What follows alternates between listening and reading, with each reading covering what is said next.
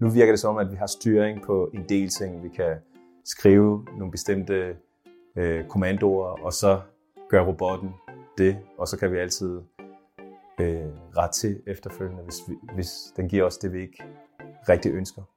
Men øh, magtforholdet mellem de to størrelser, hvordan er magtforholdet lige nu kontra magtforholdet i fremtiden? Jamen, der er ikke nogen tvivl om, at i øjeblikket er det os, der har fat i den lange ende, og at det stadigvæk er os, der styrer kunstig intelligens. Men det er nok meget godt at være bevidst om, at bare om tre år, så vil kunstig intelligens være så meget klogere end os, så vi vil være en flue sammenlignet med kunstig intelligens.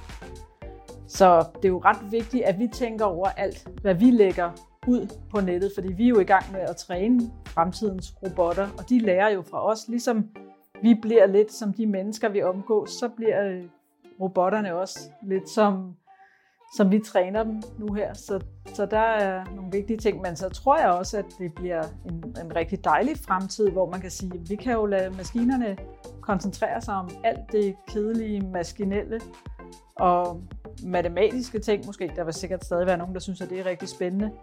Men det kan jo godt demokratisere vores uddannelser lidt, hvis det pludselig ikke er alt afgørende, at man er meget boglig. Man kan klare sig på mange andre områder med mange gode menneskelige egenskaber. Så det lyder til, at du er fortrøstningsfuld, men øh, du har stadig en løftet firefinger til, til os omkring hvad vi skal gøre med kunstig intelligens. Ja, helt sikkert. Og jeg synes faktisk, det er vigtigt at være optimistisk, fordi jeg synes, der er rigtig mange, der øh, snakker Terminator. Og øh, det tror jeg ikke selv på, og jeg tror også, at det er rigtig vigtigt, at vi taler det her op, fordi vi er jo i gang med at bygge fremtiden, og det kan vi jo selv være med til at præge. Så kunstig intelligens er jo også et spejl af os. Alt det data, vi ser nu, det viser jo, hvad det er, mennesket består af. Det viser vores samlede kultur. Vi er jo alle sammen en del af en lille subkultur, men kunstig intelligens, altså inde på ChatGPT, der kan man jo faktisk få vist, hvad mennesket mener om mange ting, og det kan jo være vores eget spejl, der vi kan bruge til at gøre os til bedre mennesker.